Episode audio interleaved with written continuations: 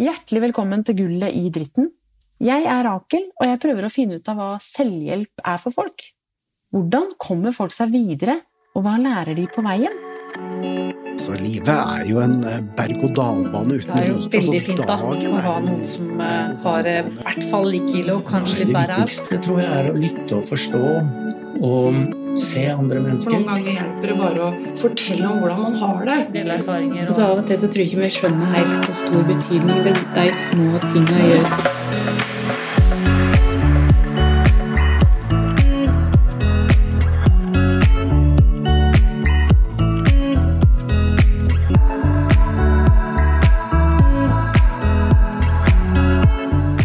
Trine Olsen Tuvnes har selv en bipolar lidelse og er pårørende til en søster med psykiske lidelser. Hun har et brennende engasjement innen likeperson- og selvhjelpsarbeid. Hun er ansatt som digitalansvarlig på Pivete-senteret i Porsgrunn. Trine jobber også som frivillig i Bipolarforeningen, der hun er treffleder for selvhjelpsgrupper.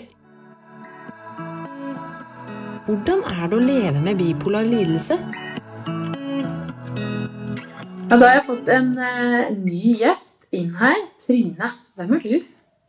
Jo, eh, jeg jobber her på Pårørendesenteret som digital ansvarlig. Så jeg har eh, ansvaret for alt av sosiale medier, også nettside, og tar og promoterer tilbudene som vi har. Eh, Jeg har brukererfaring innenfor psykisk lidelser, så derfor har det vært ja, Vi ser jo det at det er ganske verdifullt da, det å ha noen som faktisk har hatt en psykisk lidelse selv på et pårørendesenter for pårørende for psykisk helse. Rett og slett for da kan jeg bidra til å gi litt mer ja, det er en psykisk perspektiv da, som kanskje kan gjøre at de pårørende får litt mer oppklaring i kanskje noen tanker, kanskje de er forvirra, kanskje de er sinte, frustrerte, så kan jeg komme med litt sånn Ja, men kanskje det er sånn her de tenker, da. Sånn at man slipper å på en måte gå med de spørsmålene i hodet hele tiden. Samtidig så har du jo en dobbeltrolle. Men du er jo også pårørende Det er jeg. innen psykisk helse. Jeg er også pårørende for uh, søsken, noe som gjør at jeg da har uh, begge sidene. Så da har det jo også vært det at uh, jeg skal jo ha litt den rollen med å ta kontakt med litt yngre pårørende, da. Som eh, kanskje ikke sitter i den der foreldrerollen eller eh, parrollen, men kanskje da som andre søsken, da. Men du har jo vært eh, ute i avisa med historien din. Det har jeg. Hva var det som kom frem da? Eh, det var jo i forbindelse med eh, at jeg ble nominert som eh, årets nykommer i Frivilligheten 2021. Ja. Eh, og det var jo veldig gøy. Eh, samtidig som at det var jo også veldig skummelt. For det var jo første gang jeg da virkelig ordentlig skreik ut til jorda at jeg har bipolar lidelse. Og det skal jeg nå dele. Eh, det var selvfølgelig veldig skummelt. Rett og slett for at det er jo eh, det er jo mye stigmaer og mye misinformasjon som ligger der ute. da, Så det, du vet jo aldri hvem som hører det du snakker om. Hva kjenner du på når du åpner deg om det? Altså når du sier dette til folk? Mm, det spørs litt hvem det er.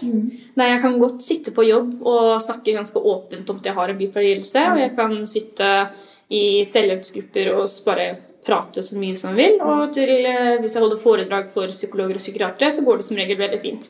Men med en gang det kommer til eh, kanskje venner av venner eller bekjente, folk jeg ikke har sett på mange år, så blir, kjenner jeg at den kanskje kan begynne å knyte seg litt. At jeg blir litt sånn forsiktig med hva jeg sier.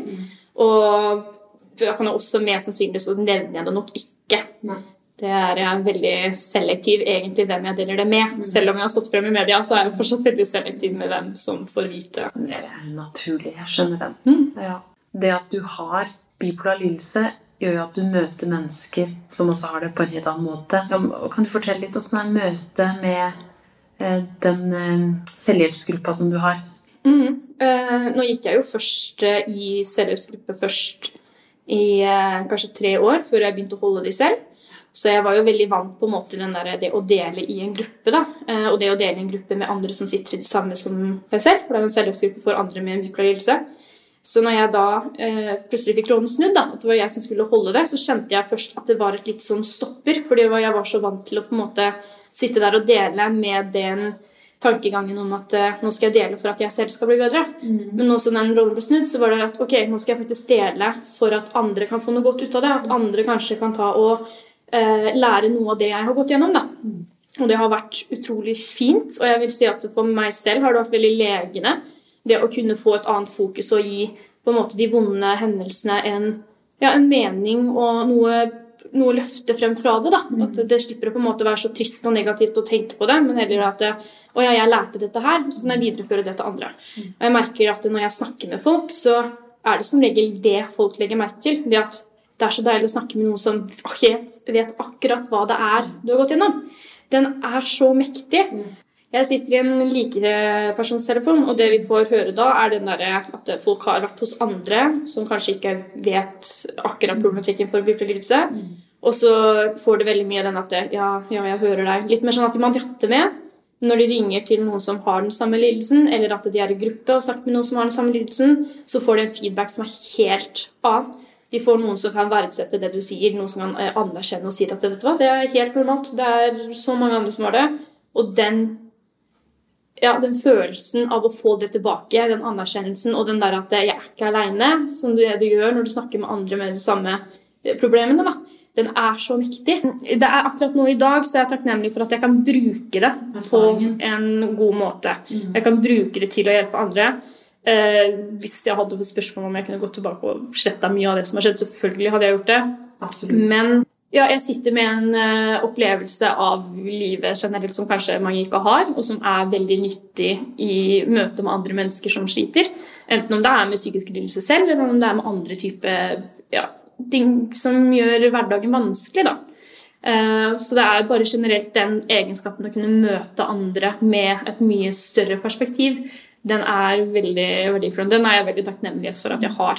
Og det ser jeg i jobben min også, at den har blitt veldig ja, Jeg ser at den har betydning for andre, og det er veldig fint. Og det er en gave. Absolutt. Det er det. Og du, det er så gøy å se at du brenner så for det. Det gnistrer i øynene dine. Ja, det, det, skal være sant. sagt. Men du har hatt mange heftige runder Det har jeg. før du kom hit. Ja. Det, det er jo det med psykiske eh, lidelser, det at man på en måte eh, Du mister jo hele hverdagen. Hele hverdagen blir enten satt på pause, eller så stopper den jo opp. Og da, det å kunne komme over der igjen, for å endelig komme tilbake til hverdagen, den er utrolig tøff. Og det er kanskje det, eh, den delen av psykisk helse som man kanskje ikke tenker så veldig mye over. da. Det er som regel sykdommen man tenker på, men det er den overgangen inn i hverdagen som på en måte Nå skal ting fungere, liksom. Ja, og det, det er en veldig stor eh, terskel som veldig mange sliter med. Og det er ikke rart, for den er veldig, veldig tøff. Men kan jeg spørre, hvordan er det å ha bipolar lidelse? Det er uh, veldig mye forskjellig. Det er uh, helt fantastisk til tider. Og det er helt jævlig til andre tider. Uh, beklager banning. Nei, det er Jeg vil egentlig kjenne veldig mye på den derre uh, forvirringa av hva er hva. For ettersom at det, når man har bipolar lidelse, så lever du på så utrolig mange forskjellige stadier av en ja, av følelser. Da. Så det er jo et øyeblikk så kan man jo føle at hele verden er helt fantastisk. Det er liksom Alt av muligheter er åpent for deg. Du er fantastisk. Livet er herlig. Du kjenner bare på en sånn derre ekstase for eksistensen generelt. For at du så i neste øyeblikk kan være så tungt deprimert at alt er forferdelig, alt er tungt, alt er negativt, alle hater deg, du hater deg selv. Og det er så store spektre på det. At du, du får liksom en sånn eh, Vanlige mennesker lever kanskje da innenfor kanskje 40% av det eh, vi med bipolar lidelse kommer til å oppleve. Og det er en ganske Litt sånn som du sier, på en måte en gave. fordi da kan man ta, sette seg inn i situasjoners eh, perspektiv fra veldig ulike stadier. Men det å oppleve det der og da, det er, kan være veldig skremmende og veldig, veldig tungt. For det å Ingen liker jo å være deprimert, da. Det er Nei, og veldig rart hvis du sier at du er liksom der oppe, nå mestrer jeg livet, jeg kan klare alt. Altså, du blir nesten som en verdensmester. Superhelt, du, da. Eh, Det må jo være digg. det å dette ned fra den, det å liksom tro så mye sterkt om deg selv og være så hy- hypa på livet, for å så dette ned og få alle drømmene knust, alle prosjektene ødelagt, det å sitte der med gjeld, det å vite det at eh, i den høye perioden hvor du har vært så høy på deg selv at du selv har vært så fantastisk, så har du kanskje vært veldig slem mot de folka rundt deg. Kanskje um, Det er veldig vanlig den der at eh, hvis fall for meg selv, da, hvis jeg har fått en idé at ok, nå skal jeg starte et prosjekt, og så kommer jeg til foreldrene mine og sier at hei, vet du hva jeg skal starte med, og så blir det sånn ja, men nå må du roe deg ned her. Så nå er du kanskje litt høyt oppe. Og så blir jeg forbanna for det. Og så begynner jeg å kjefte, og så blir jeg ja, ganske stygg mot de. Og det å da våkne opp etter en sånn episode og innse alt det jeg har gjort, hvor flaut det er, hvor skamfullt det kan være Men ser du det? Ser du på en måte tilbake og forstår at det var det som har skjedd? Ja da, for når du er ute av episoden, så ser du jo hva som har skjedd. Og det er jo det som er med bipolar lidelse også, at det er så um, Nei, men når du er i en episode, så er alt føles så godt, og alt føles så riktig, som at hele universet er på plass i de avgjørelsene du gjør. Så det at du da etterpå, når du finner ut at Oi, jeg bestilte 14 kjoler på tre dager, liksom. Eh, den tankegangen å få det at hvordan, det, hvordan klarte jeg å tenke at det var realistisk, at det trengte jeg, at det var en ok ting å gjøre? Sånn, hvordan, skal, hvordan klarer du å liksom sette deg inn i det? Du gjør jo ikke det. For det har faktisk skjedd òg. Det har skjedd. 14 kjoler. Det var Det 14 trengte kjoler, ja. Da ble romkameraten min, da jeg fikk høre av det, så var det at neste gang du blir hypoman, så tar jeg kortet ditt. Jeg bare, ok, det Ja, for da er du hypoman. Eh, akkurat da var jeg vel kanskje litt uh, manisk. Det var jeg vel. Uh, Hva er forskjellen? Hypoman, manisk, hva er dette her? Eh, hypomani er en mildere versjon av mani. Når du er manisk, så mister du all kritisk tenkning. Og du kan også begynne å bli, eh, miste litt virkelighetsperspektiv, sånn at du blir eh, litt psykotisk. Da. Eller veldig psykotisk. Det spørs veldig på hvem du er. Men så lenge det er litt psykose inne i bildet og eh, virkelighetsforvirring, da, så er det regna som at da er du manisk. Og da er det jo ekstremt høyt tempo. Hjernen fungerer ekstremt fort.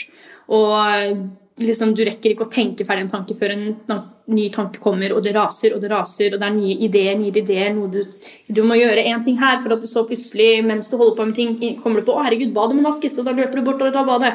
Mens du vasker badet, så kommer det en tanke om at 'oi, kanskje jeg skal dusje', så hopper du i dusjen. Du er er- selvkanin.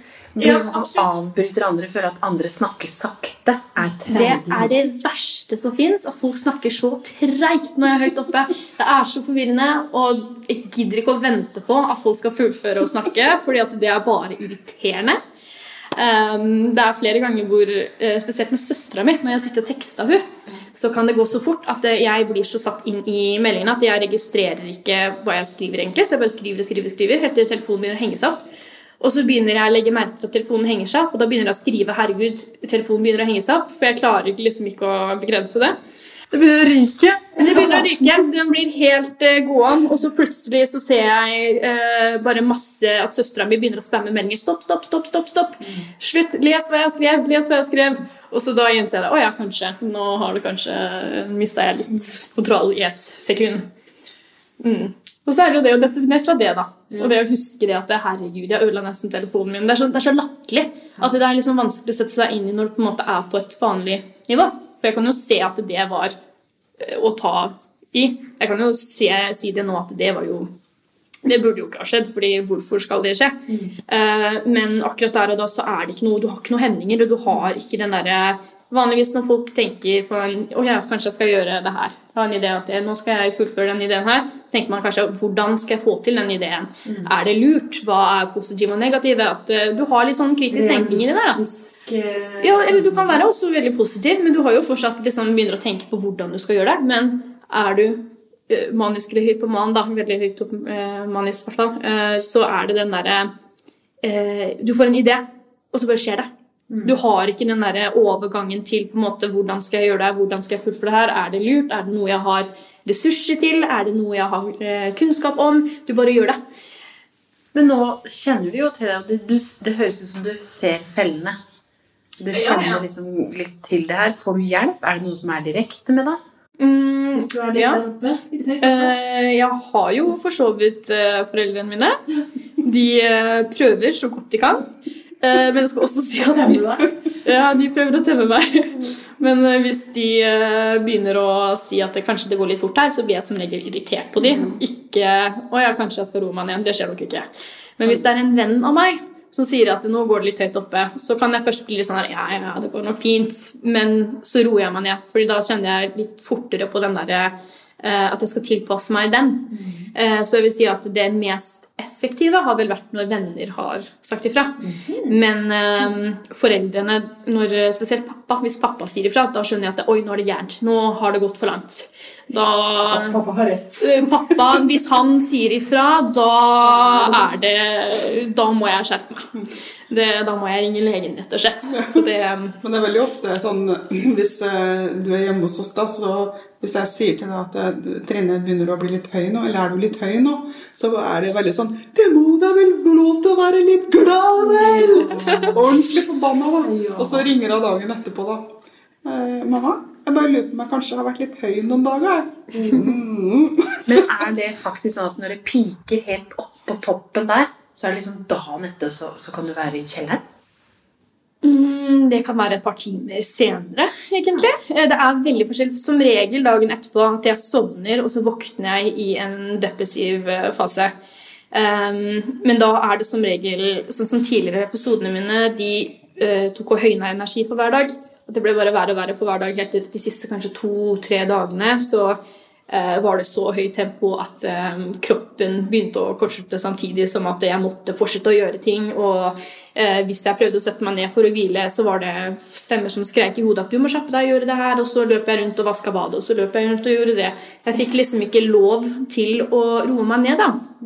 Og når det har gått så langt, så har jo heller ikke jeg helt en tankegang på det at eh, kanskje jeg skal ta medisiner, eller kanskje jeg skal gjøre noe sånt, fordi da har det gått for langt til at jeg er ikke, jeg er ikke til stede nok. Det er masse uro. Ja, eh, så når det først krasjer da, så når det har gått såpass langt, så krasjer det skikkelig. Og da har det vært flere ganger hvor jeg våkna opp eh, dagen etterpå ute av stand til å le på armer og bein. For da kroppen er helt utslitt, hjernen er helt utslitt. Jeg kan ligge der i flere timer bare enten om skifte mellom soving og bare stirre i taket. For jeg har ikke noe som foregår i hodet. Det er ikke noen tanker. Det er, jeg husker den ene gangen hvor telefonen min ringte. Og jeg prøvde, jeg trodde i hodet mitt at jeg flytta armen min til å ta telefonen. Helt til jeg innså det at armen min hadde ikke flytta seg, og jeg fikk ikke til å flytte armen min. Det, er, det kan være veldig skummelt, eh, spesielt hvis man ikke vet at det er en del av det. Det er egentlig ganske vanlig med bipolar lidelse at man kan miste eh, kontroll der, at man har mindre funksjon eh, i en depressiv eh, fase, spesielt rett etter en ganske heftig manisk episode, så er det ganske vanlig. Um, Men også er det med uro i kroppen når du skal legge deg. Altså, får du sove? Eh, nå har jo jeg insomnia, da, så det er eh, Nei, jeg får ikke sove hvis jeg ikke har sovemedisiner sånn generelt.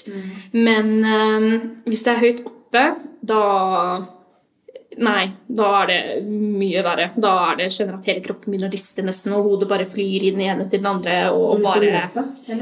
I, ja, det er noen ganger jeg har gått rundt bordet i stua uh, på natta. Det har skjedd, det. Uh, men eh, nei, da, det gjelder jo bare å ta mer medisiner. Det gjør jo det. Eh, men husk å gjøre det litt tidlig, sånn at man ikke uh, ja, sliter på jobb dagen etterpå fordi man tok eh, sovemedisiner klokka fem på morgenen. Det er ikke helt innafor. Så liksom prøv å uh, ta det litt tidligere. Har jeg, det er noe jeg øver på nå, da. Det er ganske vanlig å ha bipolar lidelse. uh, Det er mye vanligere enn det man tror å ha en bipolar lidelse. Det er det. Og alle har jo litt kanskje tendenser, kan man jo ha. Eh, Men det er jo først når måte, symptomene blir så ille at de går utover hverdagsfunksjonen din, at da blir tenkt på som en lidelse, da, eller at eh, du da har eh, psykiske eh, helseproblemer. Um, Men ja, det er jo ikke det er, jeg tror at de fleste hadde blitt overraska hvis folk hadde vært alle bare plutselig hadde ropt ut 'jeg er en bipolarlidelse', Og alle bare sånn 'oi, shit, jeg kjenner jo mange som har en bipolar lidelse'. Så det er nok mye flere enn det vi tror. Jeg tror mange kjenner seg igjen. Men har du noen gode råd eller tips til pårørende? Altså, Åssen kan jeg være en god pårørende for deg? Om jeg er en venn eller en mamma? Det er jo to helt forskjellige ting, som du sier. altså den vennen. Men det å si ifra, faktisk At det Ja, eh, ja, jeg tenker at alle skal få lov til å si ifra når de ser at du begynner å kanskje oppføre deg litt sånn. Men en ting som også er veldig stort innenfor eh, bipolar som vi snakker mye på, om på treffene, er jo det at eh, pårørende kan kanskje være litt i sånn um, forsvars... Eller sånn at de prøver å ja, de kan prøve å være veldig på for å på en måte catche at oi, nå begynner det å komme opp. Og da kan det bli masing på den der at eh, hvis du faktisk bare har en god dag, da, og så begynner man å komme at det begynner å bli litt høyt oppe, så blir det sånn Nei, jeg er ikke høyt oppe, jeg bare prøver å liksom Jeg har en god dag for en gangs skyld. Mm. Men så er det det å skille mellom hva som er hva. Det er jo vanskelig for både oss og for pårørende, og for pårørende spesielt. tror jeg de bekymrer seg veldig for det. Fordi de går på vakt og er sånn der Oi, hva, er det her et tegn på at du begynner å gå opp? Er det et tegn på at du begynner å gå ned? Eh, og det er Jeg vet at for oss, i hvert fall, da, så har eh, i familien vår så har det vært veldig eh, veldig stort problem det at jeg har tatt det som masing. Og så har de tatt det som at det har vært, de er jo bekymra at de må jo få lov til å spørre, fordi jeg jo, må jo få vite om det skjer noe. Eh, men det som har funka for oss, er egentlig det å snakke om det. Eh, litt den derre at eh, jeg fikk lov til å si det at det her blir for mye for meg. At det her har blitt masing nå. At nå er det nesten hver dag at det blir bekymringsmeldinger. At det er de som skal snakkes om sykdom hele tiden. Og de har fått lov til å si til meg det at øh, Men vi er bekymra. Der vi går pga. vi er engstelige for at det faktisk skal være et tegn. Og at vi da har gått glipp av et tegn, og ting skal skje, at det skal bli dårlig igjen. da. Men Hvordan kan du takle en sånn tilbakemelding? da? Har du lyst til å nesten flykte, da? Eller ja, skal du slippe meg, da? Det er jo ikke noe. Det skal vi si at det er ofte jeg ikke tar det veldig bra. Eh, Jeg er veldig dårlig til å snakke sykdom. Jeg kan bli fort eh, eh, ja, jeg har veldig den sykdomsganske oppi halsen, og det har jeg hatt i mange mange år. Så når folk begynner å snakke sykdom til meg, så er det til et visst nivå. Og så må jeg si at vet du hva, nå må vi stoppe, for nå kjenner jeg at nå begynner jeg liksom å bruse. Nå går det ikke mer. Eh, men det har jo vi blitt mye flinkere på at vi respekterer hverandre på det. da. At jeg skjønner nå at de trenger informasjon for at de skal holde seg rolig, at de skal stole på det at jeg vet hva jeg gjør. Og eh, de vet også det at jeg trenger avstand fra det. Jeg trenger et pusterom. Jeg trenger at vi bare skal henge sammen som en familie hvor sykdom ikke er involvert. Vi er bare en familie, vi skal ha det gøy, vi skal snakke om ting som alle andre familier gjør. For det gjorde vi ikke på veldig, veldig lenge. Da gikk det jo ikke en halvtime engang før sykdom ble nevnt. Så det, det å for oss, i hvert fall fra min, mitt ståsted, det at vi har kunnet skapt oss plasser hvor sykdom ikke eksisterer, det har vært veldig veldig meningsfullt for familiedynamikken, egentlig. Det er, eh, nå prøver jeg ikke å gjemme meg fra familien lenger, for da blir det bare spørsmål og bråk og krangler.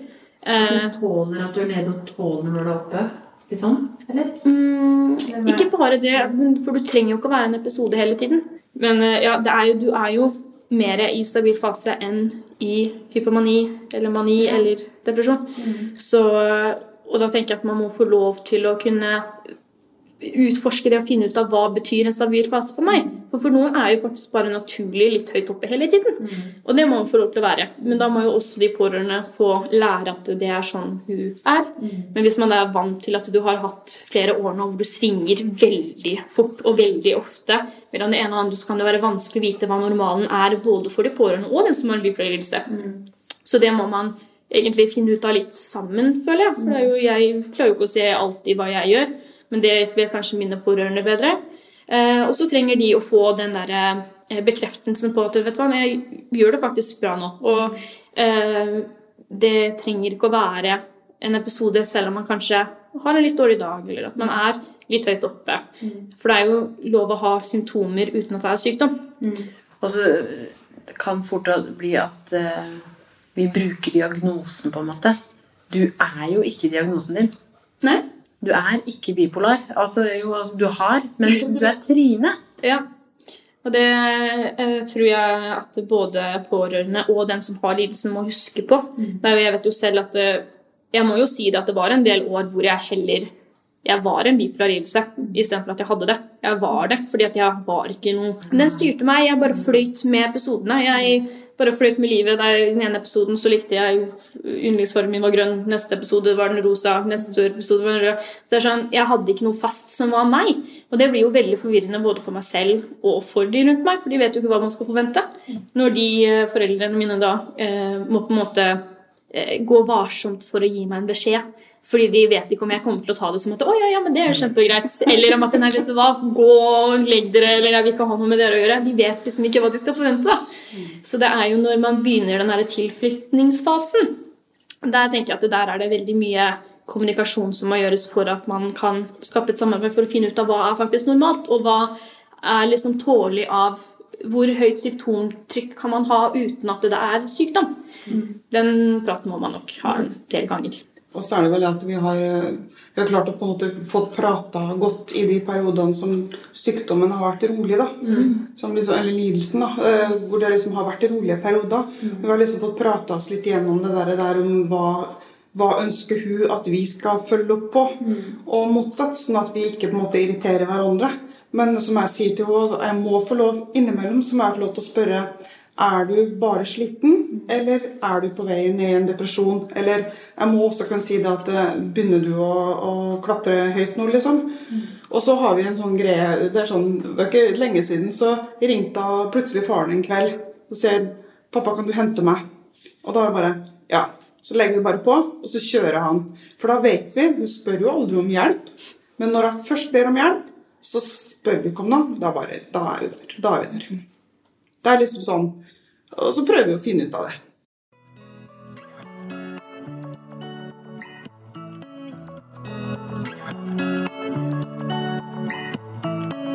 Nå fikk jo jeg diagnosen da jeg var 15 år.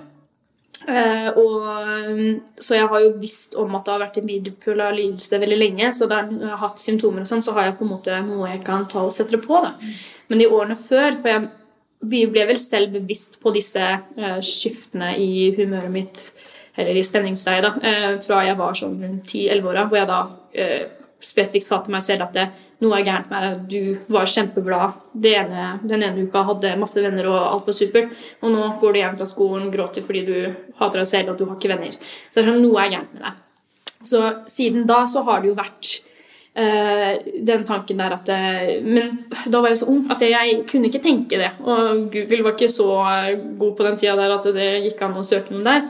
Så eh, jeg tenkte jo bare at jeg var gæren at det, det var fryktelig, noe fryktelig gærent med meg, og at eh, folk kommer til å være redd for meg hvis de får vite hva som foregår oppi hodet mitt. Og det, er, eh, det var heller noe farlig og noe jeg måtte gjemme og noe jeg måtte være liksom, forsiktig med, fordi at folk kommer til å liksom eh, ja, eh, Tanken min var vel det at jeg skulle bli kasta inn på psykiatrisk og kommer aldri komme ut igjen. Uh, så det er jo uh, veldig skremmende å gå med det der når du ikke vet. Eh, og det var jo når jeg starta hos en psykolog når jeg var 15-14-15, en av delene, så begynte vi å snakke. For jeg trodde jo at jeg hadde blitt syk etter at jeg fikk en kronisk sykdom uh, når jeg var 12 år. Og jeg trodde det var da jeg begynte å få de depresjonene og sånt. da. Men så når jeg starta hos psykologen, så innser jeg jo det at herregud, jeg har jo vært deprimert siden jeg var lita. Jo, har jo vært deprimert siden første klasse, basically. da. Og, eh, og så ble jeg så forvirra, for jeg så jo det at det, Men jeg var jo deprimert, og jeg husker at jeg hadde disse tankene, og at jeg hadde dette perspektivet på livet mitt. For at jeg så altså hadde jeg husker at jeg inviterte jo 10 eller 15 unger hjem fra skolen en ene dagen. For alle var jo så hyggelige, og alle skal få lov til å få pølser hjemme hos oss. Og det var jo ikke noe problem. Mamma har ikke noe problem med det. Så det, det, er, så, det er så motsigende tanker, da. Og. Mm, og det var så forvirrende.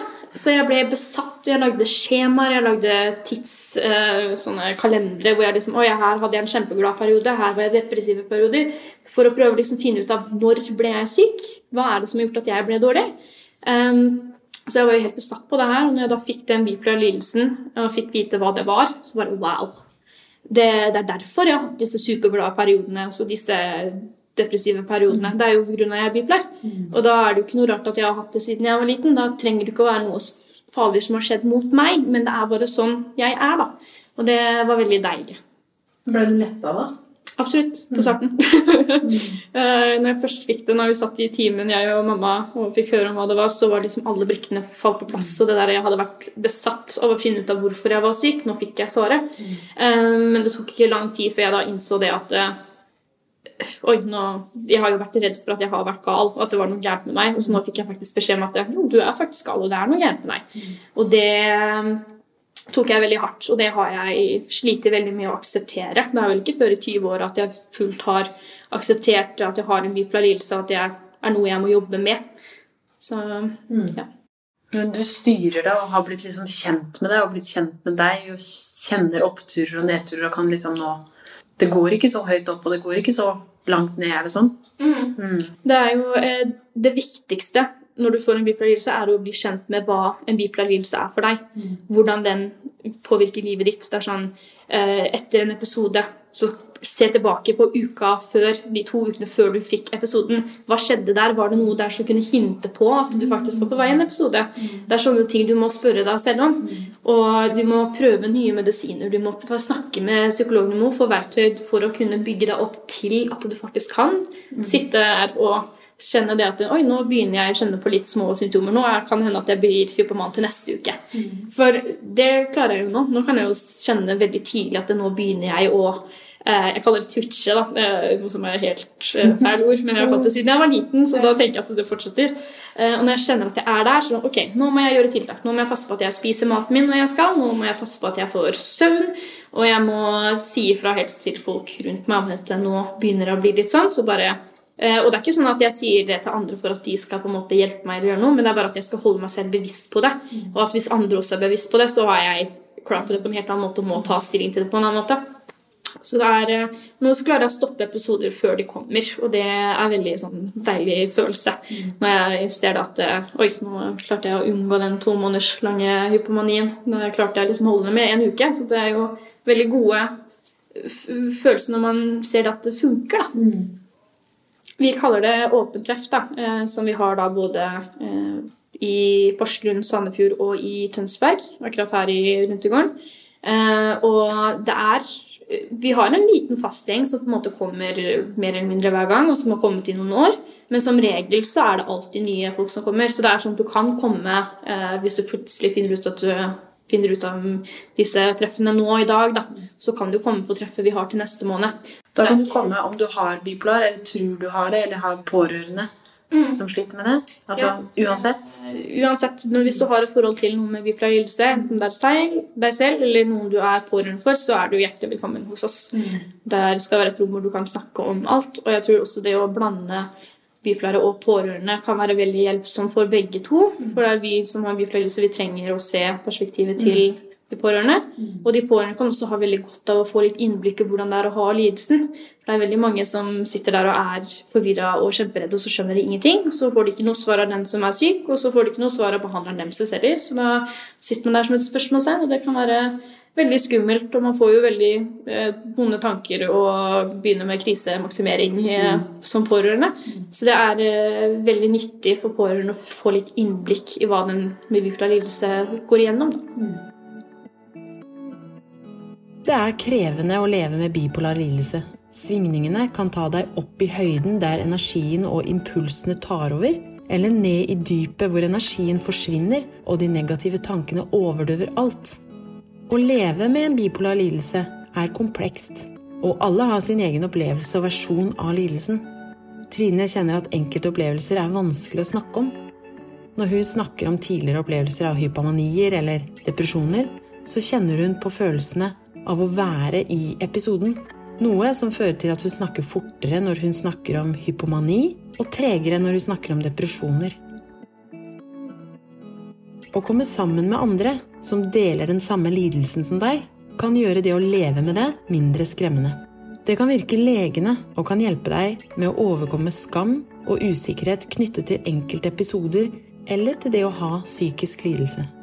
Å leve med og overkomme utfordringer knyttet til en bipolar lidelse har gitt Trine erfaringer og et større perspektiv på livet.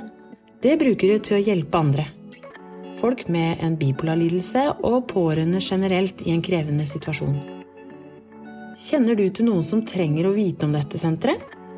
Du kan finne oversikt over åpne treff for bipolare og deres pårørende via bipolarforeningen.no. Og mer informasjon om Pivete-senteret via pivete.no. Det er gull å kunne dele. Ønsker du å møte andre i et trygt fellesskap? Se vår hjemmeside for mer informasjon selvhjelp.no.